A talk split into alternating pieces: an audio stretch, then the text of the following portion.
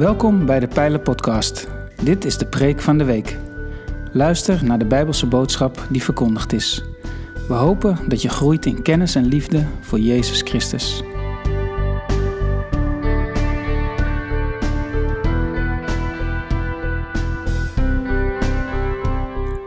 In juli en augustus werken we in de Pijler traditioneel met een zomerpreekrooster. Er zijn geen preekseries. Elke dienst staat op zichzelf. In de beschrijving van elke podcast kun je vinden wie er heeft gepreekt en uit welk Bijbelgedeelte. Het is natuurlijk ehm, een beetje een rare zomer. Erwin zei, of, uh, Jerry zei het al, uh, de zomer is voorbij. Ik zeg welke zomer. Maar goed, we hebben ook met elkaar het best lastig, want we kunnen heel moeilijk reizen. We kunnen heel moeilijk van elkaars verhalen horen. Uh, maar toch ehm, heb ik iets voor jullie wat ik onder de aandacht wil brengen, namelijk een plek um, net boven Liverpool in Formby. Um, dan ga ik hier vanochtend niet uh, de reisagent uithangen. Want dan moet je bij Jeanette Spaltman zijn, die zit daar. Die kan dat veel beter. Maar in Formby heb je de mogelijkheid, ik heb hier een foldertje, om in de voetstappen te lopen van mensen, voetstappen die daar zijn neergezet zo'n 5000 jaar geleden. Er liepen toen mensen daar op het strand en in het warme, in, de, in het zand of in de blubber zijn voetstappen achtergelaten, die zijn opgedroogd, die zijn uiteindelijk versteend.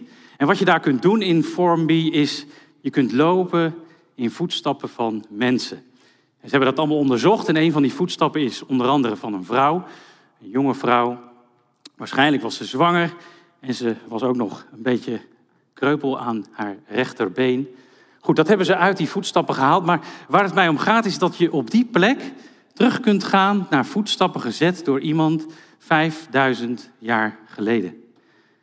En vanochtend wil ik met jullie voetstappen zetten, of eigenlijk in de voetstappen gaan staan van een vrouw van zo'n 2000 jaar geleden. Mijn oma zei altijd, Tom, als je dingen goed wil begrijpen van andere mensen, dan is het uiteindelijk het allerbelangrijkste dat je in hun voetstappen gaat staan. Dat je dezelfde stappen maakt zoals hun, of als haar of hem, om te begrijpen wat er gebeurt. En vanochtend wil ik met jullie nadenken over deze vrouw die een ontmoeting had met Jezus, die bij Jezus gebracht werd. En misschien herken je jezelf weer, hoe je ooit zelf voor Jezus gestaan hebt, zijn je eerste ontmoeting met Hem. En misschien als je het vanochtend hoort of ziet of luistert, dan denk je, oh, zo werkt dat dus. Dat gaan we met elkaar doen vanochtend. En ik ga daarbij lezen allereerst uit Johannes 8. Johannes 8 vanaf vers 2. Dus als je Bijbel mee hebt, kun je meelezen of vanuit je app. Het wordt ook geprojecteerd. Kijk maar. En vroeg in de morgen was hij weer in de tempel, dat is de Heer Jezus. En het hele volk kwam naar hem toe. Hij ging zitten en gaf hun onderricht. En toen brachten de schriftgeleerden en de fariseeën een vrouw bij hem die op overspel betrapt was. Ze zetten haar in het midden en zeiden tegen Jezus, meester, deze vrouw is op heterdaad betrapt toen ze overspel pleegde. Mozes draagt ons in de wet op zulke vrouwen te stenigen. Wat vindt u daarvan? En dit zeiden ze om hem op de proef te stellen. En om te zien of ze hem konden aanklagen. Jezus, hij zat en hij bukte zich en schreef. Even kijken, toen bij de les blijven. En schreef met zijn vinger op de grond. toen ze bleven aandringen, richtte hij zich op en zei: Wie van jullie zonder zonde is, laat die als eerste een steen naar haar werpen. En hij bukte zich weer en schreef op de grond. En toen ze dat hoorden, gingen ze weg, één voor één. De oudste het eerst en ze lieten hem alleen. Met de vrouw die in het midden stond. Jezus richtte zich op en vroeg haar, waar zijn ze? Heeft niemand u veroordeeld? Niemand, Heer, zei ze. Ik veroordeel u ook niet, zei Jezus. Ga naar huis en zondig vanaf nu niet meer. Een verhaal wat we misschien allemaal wel eens gehoord hebben. Wat we misschien ook wel allemaal in ons hoofd hebben. Als plaatje, als beeld. Misschien een plaatje vanuit de kinderbijbel of in een film. Maar wat mij weer opviel is dat het is Jezus die zit en de vrouw die staat. Ze wordt daar niet op de grond voor hem neergeworpen en hij staat haar niet van boven te, toe te spreken. Nee, ze staat daar in het midden. En een ander raadsel, en dat staat in de top 5 van vragen die mensen het eerst willen stellen als ze boven in de hemel komen. Wat schreef Jezus in het zand? Er is van alles over te zeggen, er is van alles over te gissen. Maar er zijn echt mensen die tegen mij gezegd hebben: Als ik in de hemel kom, is het eerste wat ik ga vragen: Heer Jezus, wat schreef u daar nou in het zand? Het was niet de eerste keer dat God schreef. In Deuteronomium 9, vers 10 staat dat God met zijn vinger schreef in een steen. Hij schreef met zijn vinger in, het, in een steen de tien geboden. En nu is daar Gods zoon, Jezus, die schrijft in het zand. En we weten, ik heb het gezegd, hè, de, de vrouw maakt voetstappen. Ze staat daar, ze is op weg naar vergeving. Als Jezus in het zand schrijft, dan heeft dat dus te maken met vergeving en geen oordeel. Als God met zijn vinger in de steen schreef, ging dat over veroordeling, over een wet.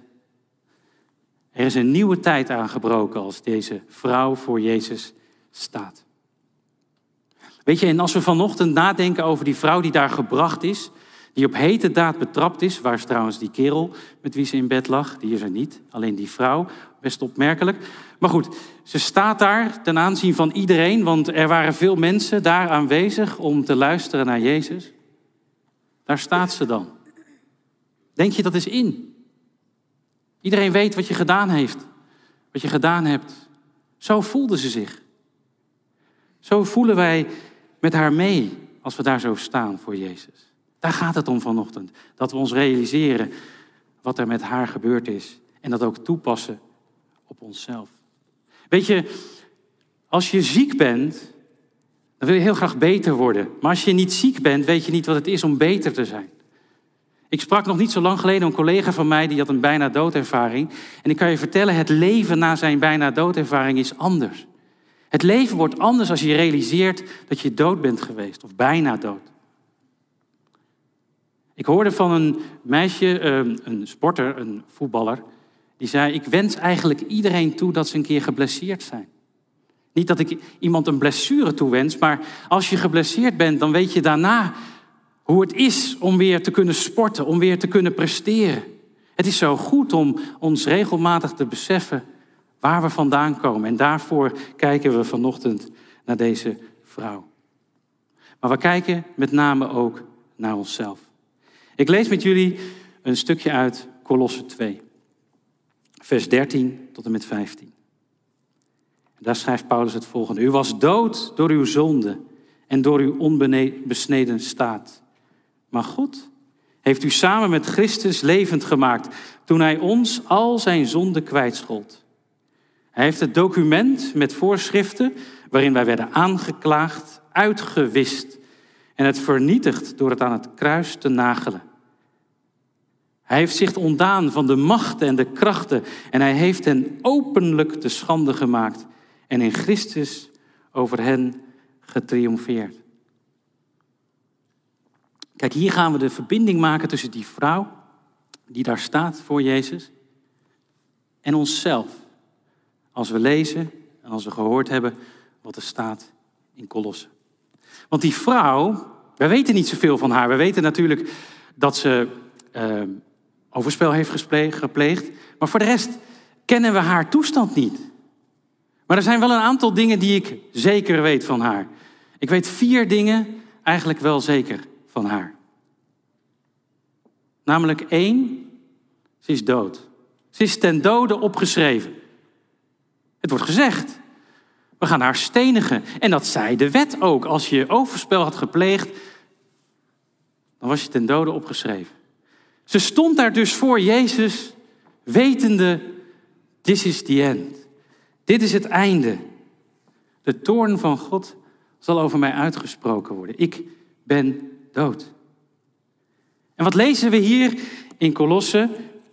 U was dood door uw zonde. En waar in Efeze 2, vers 1 en 3 staat: U was dood door de misstappen en zonde waarmee u de weg ging van de God van deze wereld.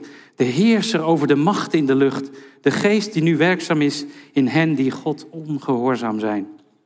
Net als zij lieten ook wij allen ons eens beheersen door onze wereldse begeerten.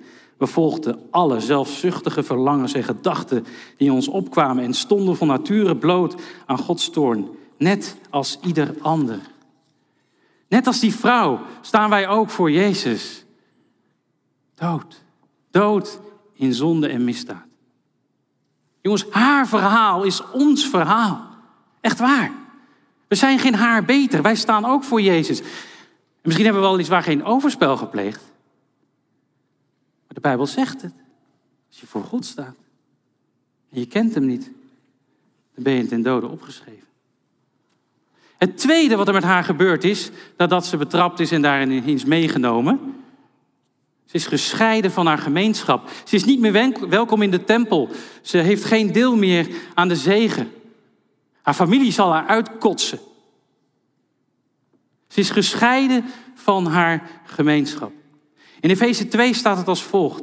Bedenk daarom dat u eigenlijk door uw afkomst heidenen bent, onbesnedenen genoemd door hen die door mensenhanden besneden zijn. Bedenk u dat u destijds niet verbonden was met Christus geen deel had aan het burgerschap van Israël en niet betrokken was bij de verbondssluiting en de belofte die daarbij hoorde. U leeft in een wereld zonder hoop en zonder God. Ze was gescheiden van de gemeenschap. Waarom? Omdat ze de wet had overtreden. Wij zijn ook gescheiden van de gemeenschap met God. Waarom? Omdat we de wet hebben overtreden. Omdat we zondig zijn ten opzichte van Hem. Daar staat ze, wetende dat alles nu anders is. Het derde punt.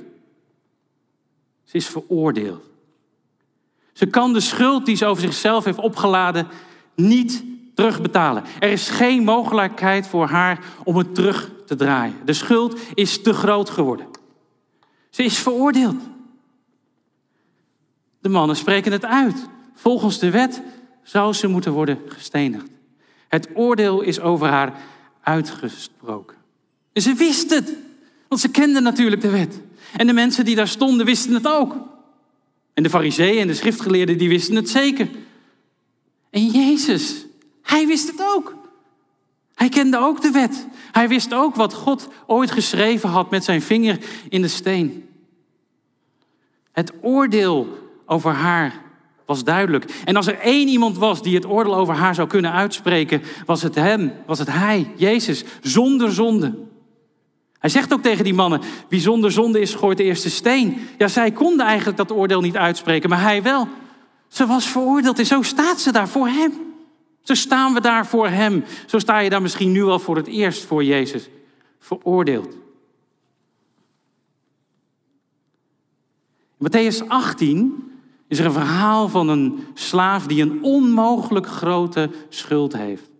Omgerekend 5 miljard kun je nooit terugbetalen dat win je niet eens in de staatsloterij. Onmogelijke schuld. Zo sta je daar dan.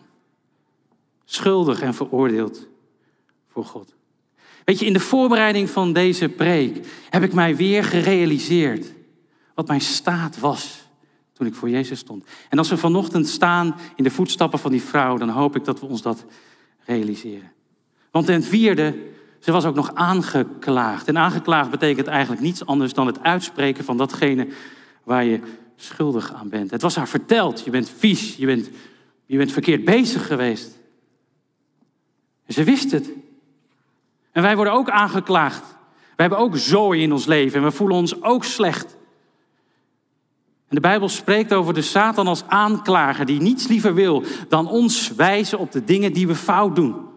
En natuurlijk kunnen we in sommige periodes van ons leven denken, ja, maar we doen alles goed. Ik heb ook wel eens mensen meegemaakt die zeggen, ja, ik doe eigenlijk alles goed. Maar ik weet, diep van binnen weten ze dat er iets is wat hun aanklaagt. Iets wat niet klopt.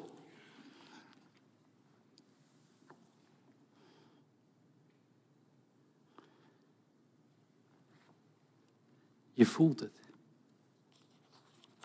Lieve mensen, dat is geen goed nieuws. Wat ik net verteld heb, is de situatie van deze vrouw. En ze staat daar voor Jezus in het midden. En Jezus heeft in het zand geschreven. Wat hij daar geschreven heeft, weten we niet. Maar datgene wat hij geschreven heeft, heeft effect. Misschien heeft hij opgeschreven het woord genade, of heeft hij de zonde van die vrouw opgeschreven, of de zonde van de Fariseërs. Maar er gaat iets veranderen. Want we hebben het gelezen in Colossense. Ze krijgt haar leven terug. Ze krijgt haar leven terug. Want in Efeze 2, vers 4 en 5 staat het als volgt.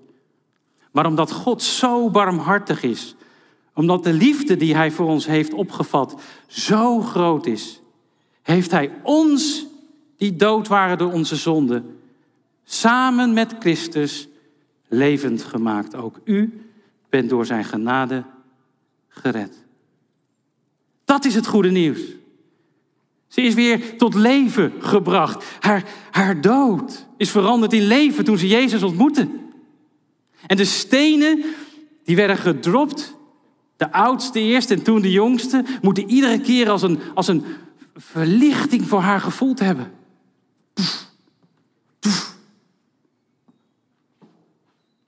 Leven terug.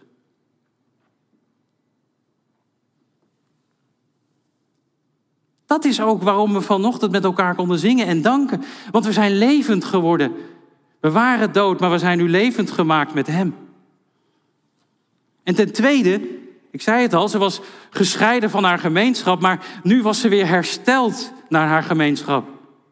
Want nu bent u, die eens ver weg was, in Christus Jezus dichtbij gekomen door zijn bloed, staat er in Efeze 2, vers 3. Haar situatie was compleet veranderd. Ze was weer terug in haar gemeenschap. En ze was bevrijd van veroordeling. Ik zei het al, het oordeel was echt duidelijk over haar. En Jezus keurt het niet goed. Want dat doet hij niet. Hij zegt, ik veroordeel je niet. Maar hij zegt er niet bij, mm, ik vind het allemaal niet zo erg. Nee, zeker niet.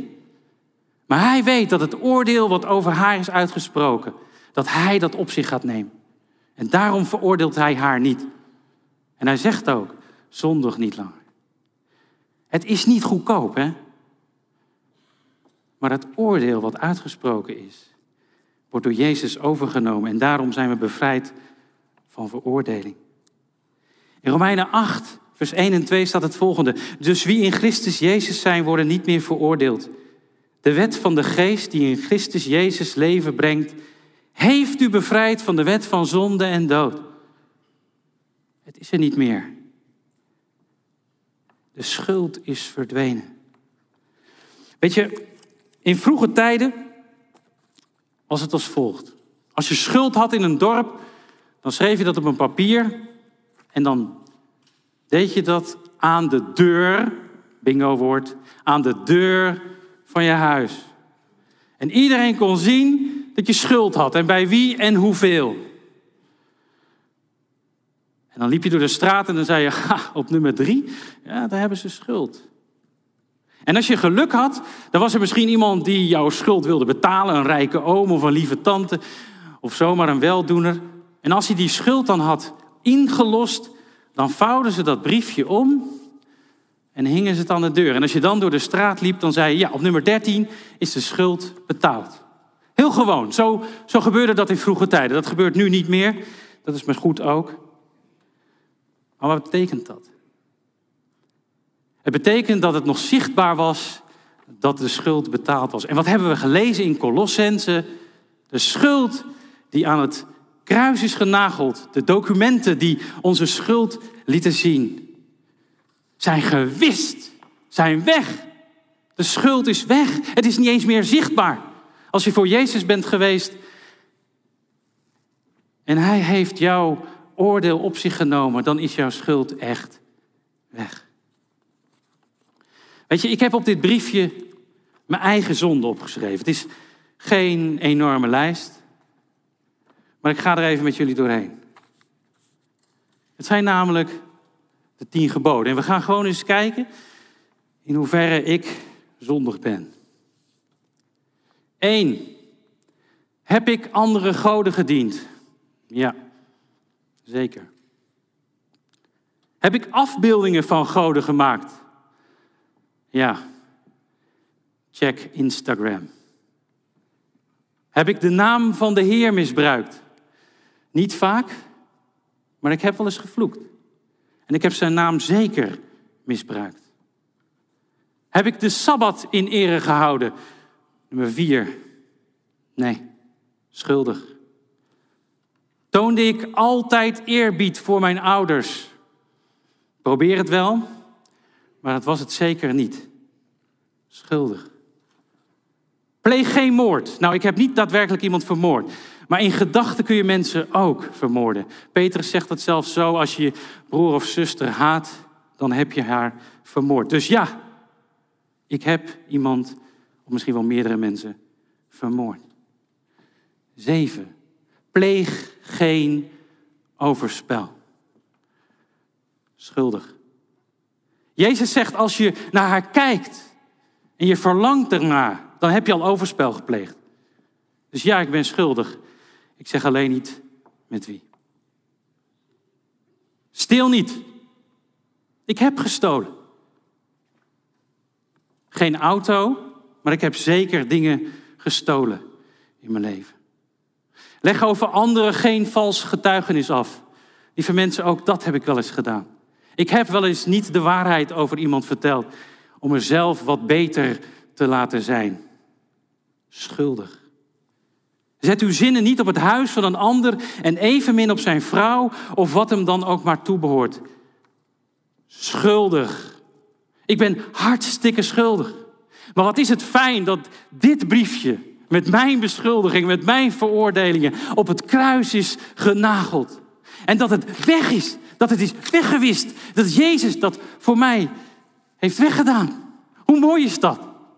Dat is precies wat er gebeurde toen ik met deze lijst bij hem kwam. Ik was ook dood. Ik was ook gescheiden van de gemeenschap. Ik was veroordeeld en ik ben ook aangeklaagd. Maar nu niet meer. Net als die vrouw mag ik staan voor Jezus, waarbij mijn veroordeling is afgewend. Ik ben vrijgesproken. Ik er weer bij hoor. En ik. En ik. Niet aangeklaagd meer word. Want het vierde wat er gebeurt is dat Jezus die vrouw, maar ook jou, beschermt voor aanklagers. In 1 Johannes 2 staat het volgende. Kinderen, ik schrijf u dit opdat u niet zondigt. Mocht één van u echter toch zondigen, dan hebben we een pleitbezorger bij de Vader, Jezus Christus, de rechtvaardige. Weet je, als je Jezus kent en je gaat zijn weg, en Hetty zei het ook, dan zondig je nog steeds en, dan, en dan, dan voel je je aangeklaagd. Maar weet dat Jezus voor je bidt. Hij is jouw pleitbezorger. Er staat in de Bijbel, als je zondigt, beleid ze en Jezus wil ze vergeven. Hij wil jou beschermen tegen de aanklagers. In Colossense staat dat hij de macht over die krachten heeft ontdaan. En eigenlijk staat er van hun wapenrusting. Ze hebben geen macht meer over jou. De zonde en de aanklagers kunnen je niks meer doen. Het voelt soms wel zo, maar Jezus beschermt jou voor aanklagers. En als we nu in gedachten hebben gelopen, zoals die vrouw, door het zand richting Jezus. En Jezus heeft in het zand geschreven. Er kwam daar misschien een zuchtje wind en het was weg. Maar ik weet wel dat datgene dat Jezus heeft geschreven in het zand. En datgene wat hij daarna heeft gedaan, als het ware in steen is achtergebleven. Zoals de voetstappen van Formby na 5000 jaar nog steeds zichtbaar zijn, is datgene wat Jezus heeft geschreven in het zand nog steeds realiteit. Het nieuwe verbond wat hij geschreven heeft, is uiteindelijk in steen gekomen voor ons. Als je realiseert dat je dood was, dat je afgesloten was van de gemeenschap, dat je was veroordeeld en aangeklaagd, maar nu niet meer, dan is het toch niets anders dan dat je wil danken en prijzen en loven. Hij zegt tegen die vrouw zondag niet meer en dan gaat ze er vandoor. We weten natuurlijk niet hoe het is afgelopen. Misschien heeft ze gewoon, net als wij, alweer eens dingen gedaan die niet konden. Zo gaat het bij ons ook. En als we vanochtend dit verhaal hebben gehoord en we kennen de Heer Jezus, dan hoop ik echt dat we weer een beetje ons realiseren waarom we nou eigenlijk christen zijn. Waarom we ons volgeling van Christus noemen.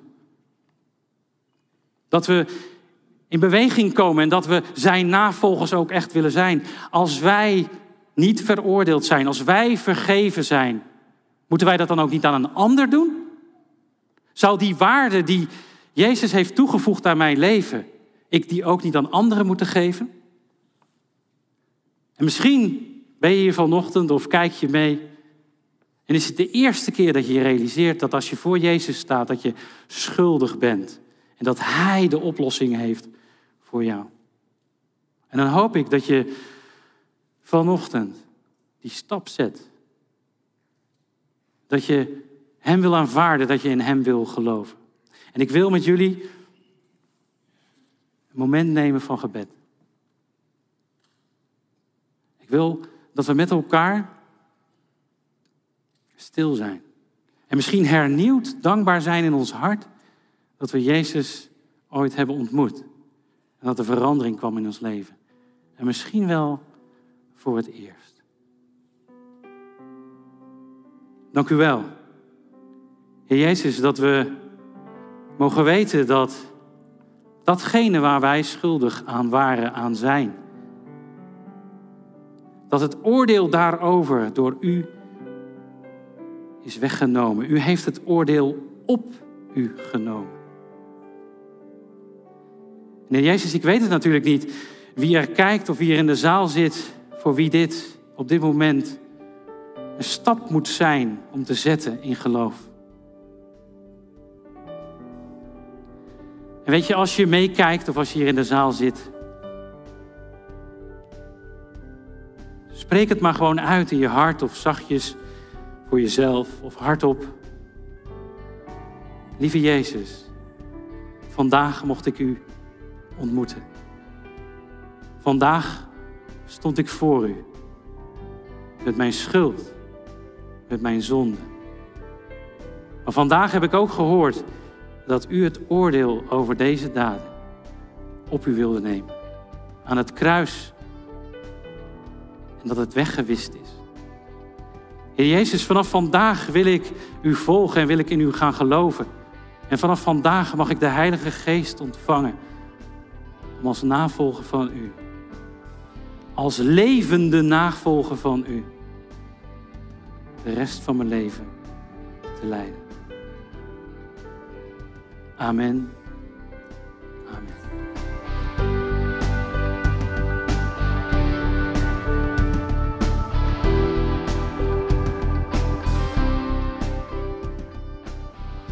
Bedankt voor het luisteren naar deze aflevering van de Pijlen Podcast, Preek van de Week. Heb je vragen naar aanleiding van deze preek? Stel ze. Dat kan via een e-mail naar onderwijs.pijler.nl. We helpen je graag verder in je groei als leerling van Jezus Christus. Abonneer je op deze podcast, zodat je altijd op de hoogte blijft van het onderwijs uit de Pijler. Goede week gewenst, ga in vrede, want God is nabij.